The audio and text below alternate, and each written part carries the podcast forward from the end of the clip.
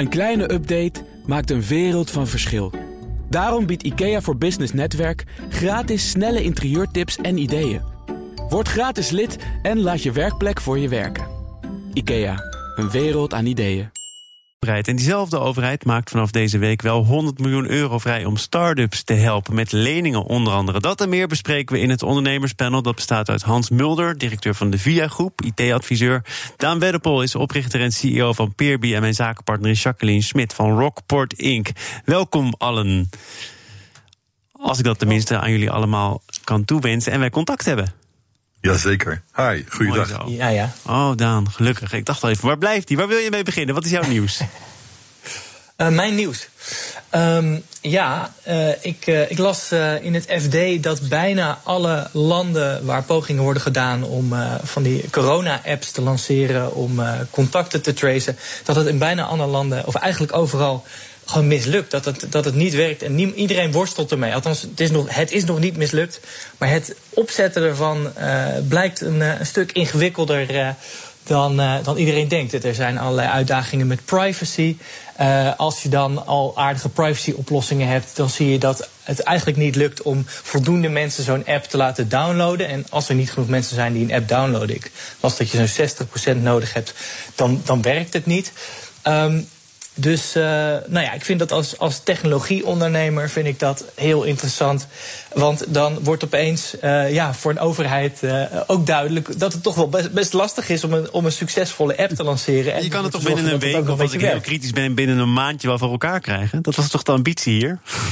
Ja, ja, nou, blijkt toch wat ingewikkelder. Daar ben ik zelf ook achter gekomen de afgelopen paar jaar. Dat even een appje in elkaar zetten en, uh, en, en dan gaan.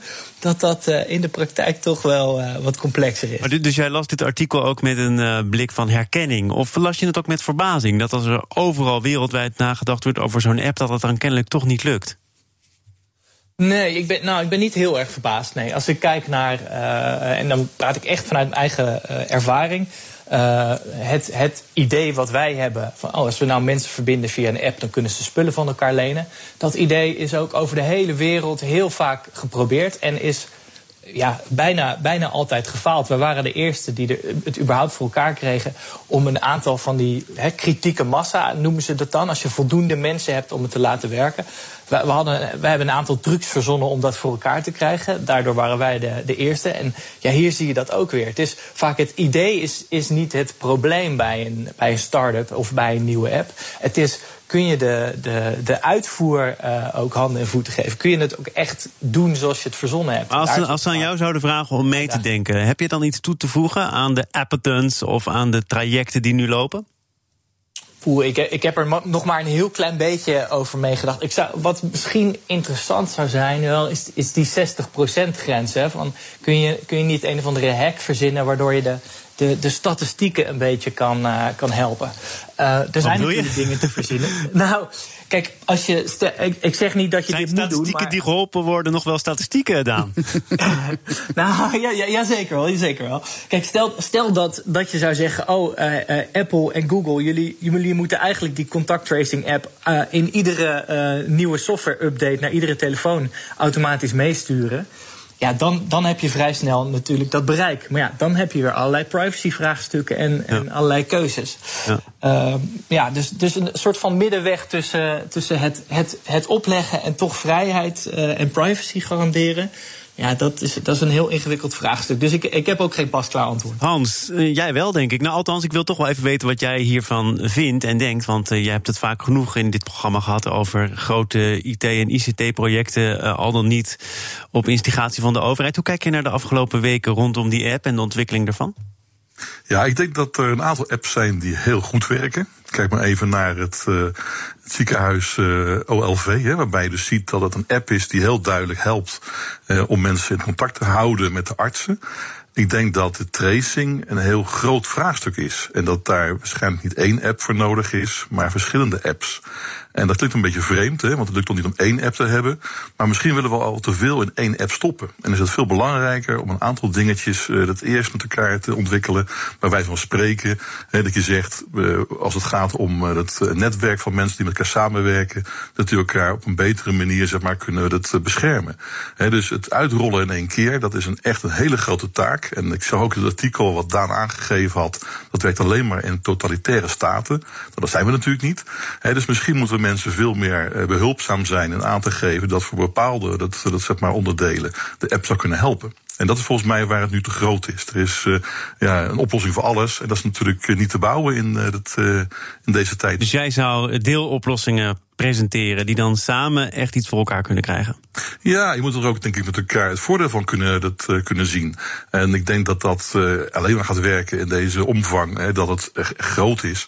Ja, dat zijn vaak de projecten die het eerste falen. Hm. dus laten we proberen om het eerst wat klein met elkaar uh, te houden. Wat zijn de voordelen ervan? Hoe werkt dat?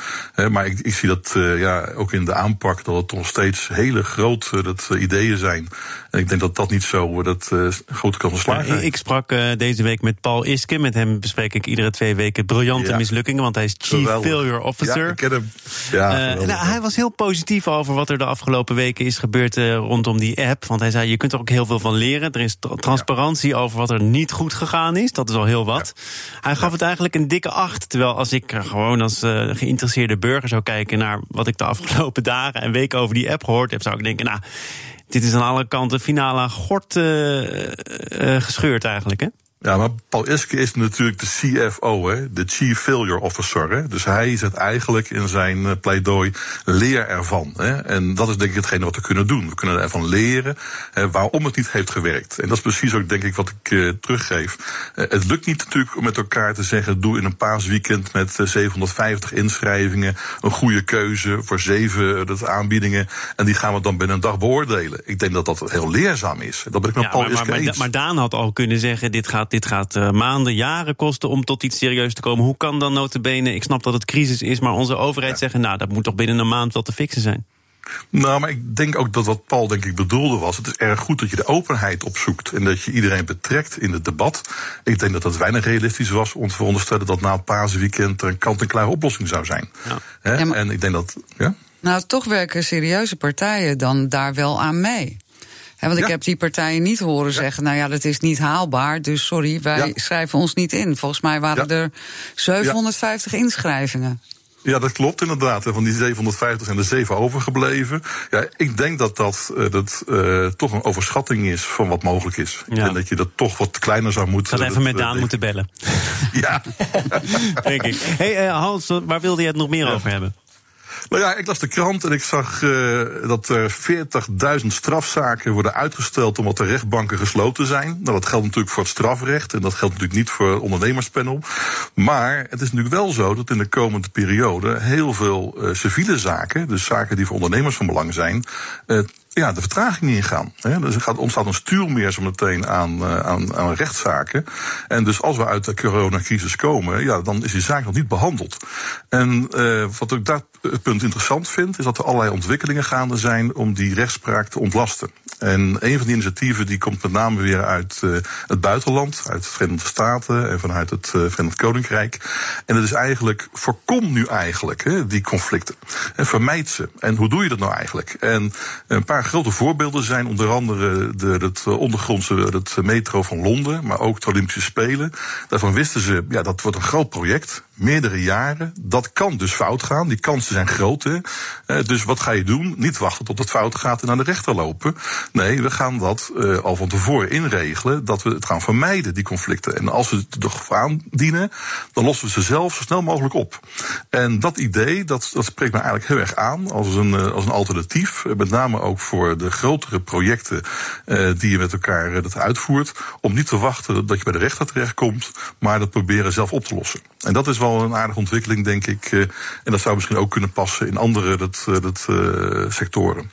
Ik, ik wil, uh, want het zijn gekke dagen om dat toch maar eens te zeggen. Maar Daan, ook nog even naar jullie persoonlijk en, en naar, naar jullie bedrijven. Want Peerby, dat is ja, samen te vatten onder de noemer huren bij de buren. Volgens mij is dat ook gewoon jullie slogan.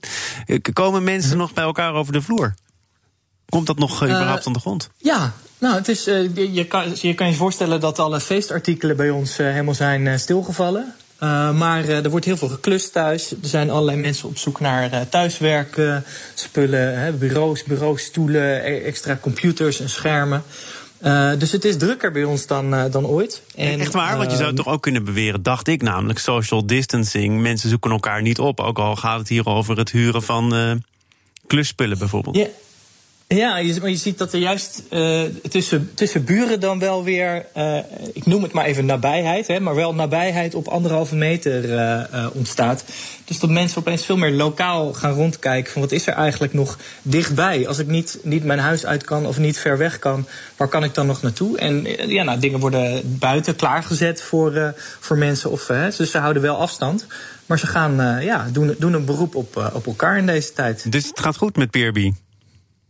Het gaat uh, aan, aan die kant gaat het heel goed. Tegelijkertijd zie je ook dat uh, aan de, de kant van de investeerders dat er enorm veel onzekerheid is. Dus dat er mensen zijn die, uh, dat zien wij niet alleen, dat zien volgens mij alle start-ups.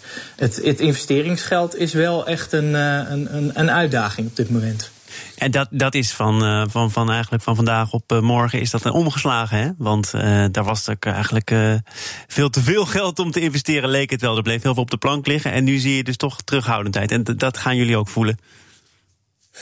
Um, als, als wij enorm de broekriem aantrekken, dan kunnen we het waarschijnlijk op, op eigen kracht. Ehm, dus daarmee zijn wij denk ik een van de start-ups die heel veel geluk hebben. Maar ik las al dat, uh, dat twee derde van de start-ups op dit moment problemen heeft uh, en, en echt liquiditeitsproblemen begint te krijgen. Ja. Of al aan het omvallen is zelfs. Zometeen, uh, zometeen meer over die start-ups. Ik wil met jullie wel nemen nog even terug naar ehm, het eerste gesprek van deze uitzending. Dat was met Fred Paling. Dat is de topman van het UWV, de voorzitter van het bestuur daar. Um, en het ging over de NOW-regeling, de eerste NOW-regeling. De laatste cijfers laten zien 114.000 bedrijven die daar nu al aanspraak op hebben gemaakt. En hij zei eerlijk gezegd, eh, nou, hij is heel simpel, hij is heel grof, hij is binnen drie weken tot stand gekomen. Um, er is ook wel iets te zeggen voor maatwerk. En je ziet nu, dat gaf hij ook eerlijk toe, steeds meer groepen die zeggen, ja, wij vallen buiten de boot. Heb je hier wel aan gedacht? Heb je daar wel aan gedacht? Hoe luisteren jullie naar dat soort geluiden, uh, Hans? Hè? Enerzijds dus de waardering voor het feit dat het zo snel tot stand gekomen is. Anderzijds bijvoorbeeld nu bedrijven die andere bedrijven in nood hebben overgenomen... die kennelijk weer geen aanspraak maken op die steun. Is dat, is dat iets wat er dan maar bij hoort? Nou ja, het is natuurlijk het voortschrijdend inzicht hè, dat uh, je bij spreken ook ziet dat een structuur van moeder- en dochter-BV's natuurlijk maar voor één telt. Hè. Dat is ook van dat soort zaken die je natuurlijk niet van tevoren echt uh, dat, voorziet. ik denk dus wel dat dat kan worden gerepareerd. Hè. Dus het lijkt me niet zo dat dat nu in dat cement gegoten staat dus, uh, maar het verbaast me niks dat het uh, complexer is dan je dacht. Ja, ja. dat is zeker. Ja. Want, want hij gaf aan, en ze hebben in een eerste ruwe schatting gedacht... Uh, 100, tussen de 100 en de 150.000 bedrijven die gaan hier gebruik van maken. Hiervoor was een regeling, gaf hij ook aan, werd er jaarlijks misschien een paar honderd keer naar geïnformeerd. En ja. nu moeten ze dus op dit soort schaal opereren. En moeten ze dus ook samen met banken tot een inzicht komen. Uh, uiteindelijk is een, is een bedrijf in de kern gezond. Hè? Dat is de, de vraag die centraal ligt. Ja. Hoe, wat zou jij als criteria hanteren? Nou, ik vind het wel heel knap als je kan voorspellen wat gezond is. He, want bedoel, bepaalde producten zou je denken, nou, die hebben toch weinig toekomst. En die schijnen door die corona enorm eh, succes te stijgen. Terwijl, ja, diensten die al jarenlang heel erg belangrijk waren en heel erg uh, dat waardevol. Waarvan je zegt, nou, die gaan altijd door. He, laten we zeggen, de kapper.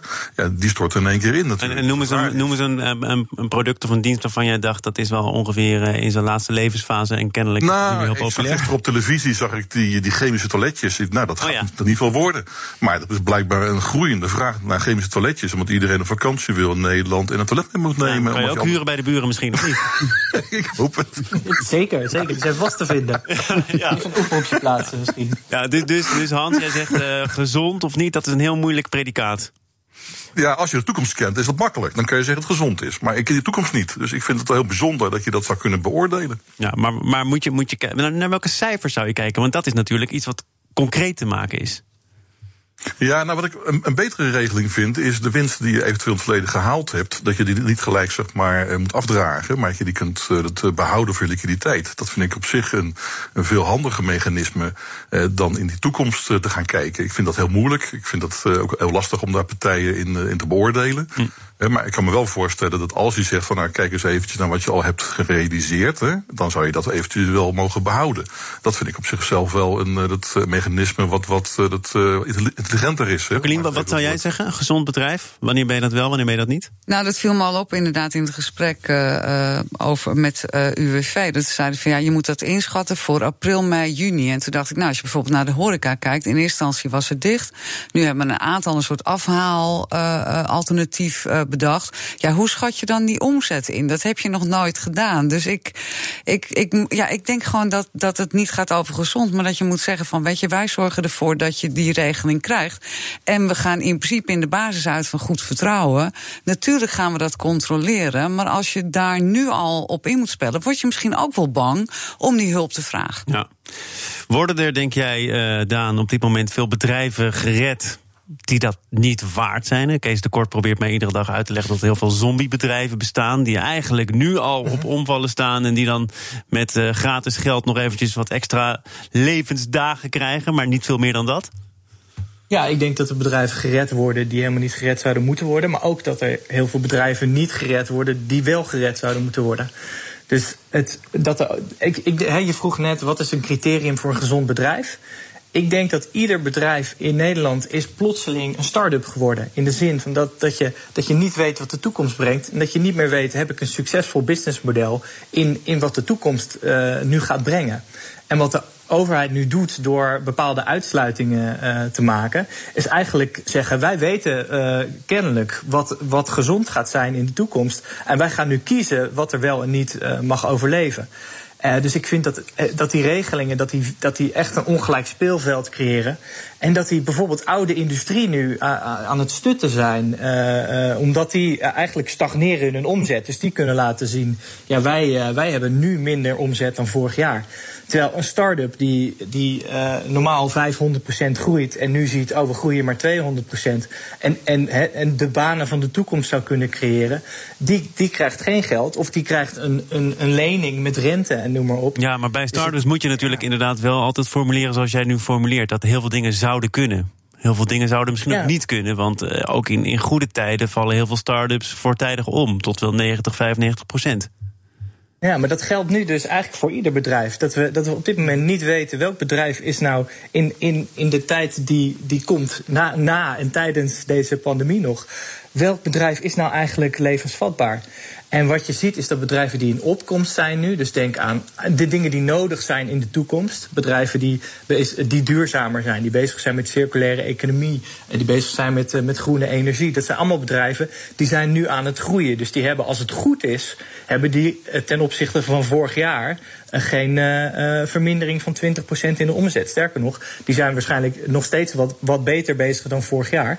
Maar die lopen nu wel tegen liquiditeitsproblemen aan. Nou, en, die gaan onderuit. Ja, en wat je volgens mij ook ziet, is dat bijvoorbeeld als je kijkt naar de IT-sector, daar is uh, nu een toename van hè, in twee maanden, in, wat normaal gesproken in twee jaar zou zijn. Kijk je naar de media-industrie, daar valt het echt stil. Maar als je daar weer dieper kijkt, is er veel verschil tussen bedrijven, ook in de sectoren apart van elkaar. Dus het is denk ik heel ingewikkeld om te zeggen, nou die industrie heeft het lastig en die niet. En ik vind jouw start-up opmerking vind ik een hele goeie. Want zo zijn bedrijven vaak niet gewend te kijken. Maar is nu natuurlijk heel gezond. Ja, ja. Uh, ze krijgen wel uh, alles bij elkaar 100 miljoen. Hè? Daar is uh, lang voor gelobbyd. Ik heb erover gesproken met de Dutch Startup Association, met TechLeap NL. onder andere wezen ze daar op landen om ons heen waar miljarden beschikbaar worden gesteld. Nou, nu komt er na een paar weken 100 miljoen beschikbaar via regionale ontwikkelingsmaatschappijen. Hans, boezemt jou dat vertrouwen in of niet? Nou ja, ik vind het wel heel erg goed dat ook daar aandacht voor uh, dat gegeven wordt. Uh, het is alleen de vraag in welke verhoudingen zien we het nou terug. Hè? Ik, ik denk dat 100 miljoen voor start-ups, uh, eh, 300 miljoen voor de culturele sector, 4 miljard voor KLM. Ik weet niet, is dat wel de juiste nou, manier? Dat is wel, ik vind wel, ik snap wat je zegt, maar 4 miljard is ook nog niet, is nog geen, geen done deal. Hè? Maar goed, ik snap het. 2, 2 tot 4 miljard. Ja, Ja, dus als je mij vraagt van wat, wat vind je ervan? Ik vind dat goed. Ik vind dat goed dat er aandacht voor gegeven wordt. Maar wat mij af, uh, me afvraag is, wat is nou de verhouding tussen die investeringen? Is dat nou gedaan omdat dat over was? Omdat we echt denken dat dat voldoende is? Uh, dus waar die 100 miljoen op gebaseerd is, dat is mij niet helemaal duidelijk. Ja, ja het, het klinkt ook wel, uh, zeker in het licht wat jij net ook schetst, Hans, klinkt het als heel weinig, hè, die 100 miljoen. Of zie ik dat verkeerd aan? Ja, dat is enorm weinig. Ik, uh, als ik zo een beetje rondkijk naar wat er, wat er zo al aangevraagd uh, lijkt te zijn, uh, hè, als een beetje informeer in mijn omgeving, dan denk ik dat die 100 miljoen al op dag 1 ver gepasseerd is. Er zijn, er zijn miljarden nodig om, uh, om dit goed te doen. En er moet gewoon een gelijk speelveld zijn. Ik vind dat, dat start-ups ook die, uh, die NOW-regeling moeten kunnen krijgen. Maar er zijn, er zijn mensen die sommetjes maken over het belang van KLM en Schiphol en de bedrijven die daaraan gerelateerd zijn en de werkgelegenheid en de gezinnen. Dat, dat, dat staat toch allemaal wel? Dat kun je toch ook niet zomaar één op één kopiëren naar een start-up die misschien heel veel potentie heeft, maar waar nu nog drie of vier mensen werken? Ja, maar het gaat over heel, heel veel startups bij elkaar. Hè? De, dat zijn, eh, ik, als ik me niet vergis, dan heeft uh, in het afgelopen jaar hebben startups uh, er net zoveel banen bij gecreëerd als, de, de, als, als, als de helft van KLM. Dus als je dat een paar jaar doorzet, dan, uh, dan kun je, eh, heb je met dat geld, met die paar miljard uh, voor start-ups, heb je waarschijnlijk uiteindelijk meer banen gered dan, dan wanneer je KLM in de lucht hebt. Maar een heleboel van die start-ups zouden überhaupt niet overleefd hebben. Hè? Dus, dus ik, dat is ook wel ingewikkeld, denk ik. Zou je dan bijvoorbeeld niet met een start-up Delta of, of nou ja, Rockstart, of wat voor verschillende verenigingen of bijeenkomende partijen ook, is kunnen vragen van hoe zit het nou precies? Ja, maar dat is, dat is heel erg lastig om, denk ik, om op dit moment te zeggen wat is een levensvatbare eh, start-up. En uh, dat geldt volgens mij voor ieder bedrijf op dit moment. Wat is een levensvatbare kapper? Wat is een levensvatbaar reisbureau? Wat is een levensvatbare airline? Ik, ik kan het je niet vertellen. Dus het, ik vind dat de, de, de keuzes die gemaakt worden, die getuigen van een, eigenlijk een voorkeur voor traditionele industrie.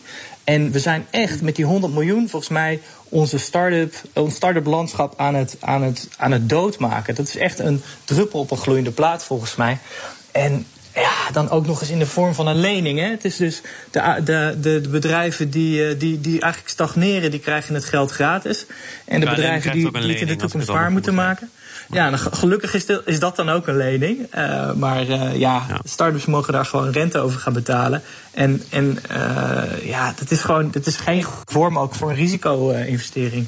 Ik wil naar een zwaar getroffen sector tot slot. We hebben nog een paar minuten voor. We hebben zelf navraag gedaan bij BNR dat 70% van de winkels en de horecabedrijven huur voor april nog niet heeft overgemaakt. Uit de laatste cijfers van het UWV blijkt ook dat in die sector, in de horeca, de meeste aanvragen zijn gedaan. Nu is er een grote kroegbaas, de grootste van Nederland, Laurens Meijer, die heeft eh, gisteren een interview gegeven in het AD. Die zegt: Op 1 juni dan ga ik weer open. En met mij nog heel veel andere horeca-ondernemers. Regels of geen regels, je ziet soms dat het gewoon werkt, dat het volk stemt met de voeten. Zo ging het ook bij de scholen. Hans, hoe oordeel jij hierover? Ja, ik begrijp dat die nood heel hoog is. En ik moet ook zeggen dat ik het ook in het totale Europese plaatje wel begrijp. Hè? Want uh, waarom in Nederland dan niet en in andere landen weer wel? Hè, dus ja, dat die discussie op deze manier wordt gevoerd, die begrijp ik. Of het echt op 1 juni gaat gebeuren, dat hoop ik natuurlijk niet. Hè? Dat daar een hoop uh, gedoe ontstaat. Maar ik vind het wel, denk ik, voor de dialoog heel belangrijk dat er wordt aangegeven: jongens, let op, 1 juni, dat is toch wel een datum waarop er iets moet gaan gebeuren dus dat vind ik wel begrijpelijk. Ja, nou, nou, nou, heeft Hugo de Jonge, die verantwoordelijk is als minister, nu al gezegd: ja, maar we hebben een gezondheidscrisis te bestrijden. Op deze manier kun je niet samenwerken. Want uh, deze meneer Meijer heeft ook gezegd: zie het nog maar eens te handhaven. Kortom, hij ziet het als een uitdaging. Uh, Daan, uh, de nood is hoog. Ondernemerschap uh, moet natuurlijk ook uh, ruimte krijgen. waar liggen de belangen? Als jij die zou moeten ja, afwegen. Als, eh, kijk, ik heb uh, de waarheid ook niet in pacht. Maar een, iets wat ik een tijdje terug las, is dat tijdens de pandemie in 1918 hè, van de Spaanse griep. dat steden die betere lockdownmaatregelen hadden en zich daar ook langer aan hielden. dat die uiteindelijk veel sneller economisch herstelden dan steden waarbij dat niet het geval was. Dus je moet je wel afvragen of op korte termijn snel open gaan of dat niet uiteindelijk grotere economische problemen veroorzaakt dan, uh, dan dat gewoon op een, op een goede manier uh, doen. Discipline loont, um, als je kijkt naar 1918. Ja, dat uh, historisch gezien lijken daar wel signalen voor te zijn, ja. ja. Jacqueline? Ja, roep om hulp, denk ik gewoon. En, en natuurlijk kun je dat rationaliseren en daar kun je van alles over zeggen. Maar die mensen, die, die hebben het heel lastig. Ik werk ook heel veel studenten trouwens, die hun bijbaantjes kwijt zijn, waar ook weer een heel effect uit voortkomt. Ik zie het als een roep om hulp. Ik begrijp het wel. En ik denk dat je daar misschien iets meer een luisterend oor moet voor hebben. In plaats van direct wegduwen met argumenten die die meneer waarschijnlijk zelf ook wel kent. Dank voor het feit dat je hier twee uur was. Jacqueline Smit, oprichter van Rockport Inc. Hans Mulder, directeur van de VIA Groep. En Daan Wedderpol. Samen uh, waren zij, de CEO van Peerby is hij. Samen waren zij het ondernemerspanel van vandaag. Maandag dan is er een speciale nieuwsuitzending op BNR gedurende de hele dag. Dinsdag is het bevrijdingsdag. Dan zenden wij het beste uit van wat BNR uit kan zenden. En woensdag is er een nieuwe verse BNR Zaken doen. Dan met de voorzitter van LTO, Mark Calon. Want ook de boeren hebben het niet makkelijk in deze crisistijd. De sierteelt, tuinbouw, frietaardappeltelers... die zitten in de hoek waar de klappen vallen. Ze krijgen ook wel regelingen om het een en ander te dempen, te kunnen ondersteunen. Um, hoe hij daarnaar kijkt, dat hoor je uh, woensdag dus... in een nieuwe uitzending van BNR Zaken doen. Zometeen is het uh, eerst tijd voor Nieuwsroom... de dagelijkse podcast van het FD en BNR. Daarna hopelijk ook voor u een weekend. Het inrichten van je eigen zaak is best wel wat werk. Daarom biedt IKEA voor Business Netwerk 50% korting op interieuradvies. Word gratis lid en laat je werkplek voor je werken. IKEA, een wereld aan ideeën.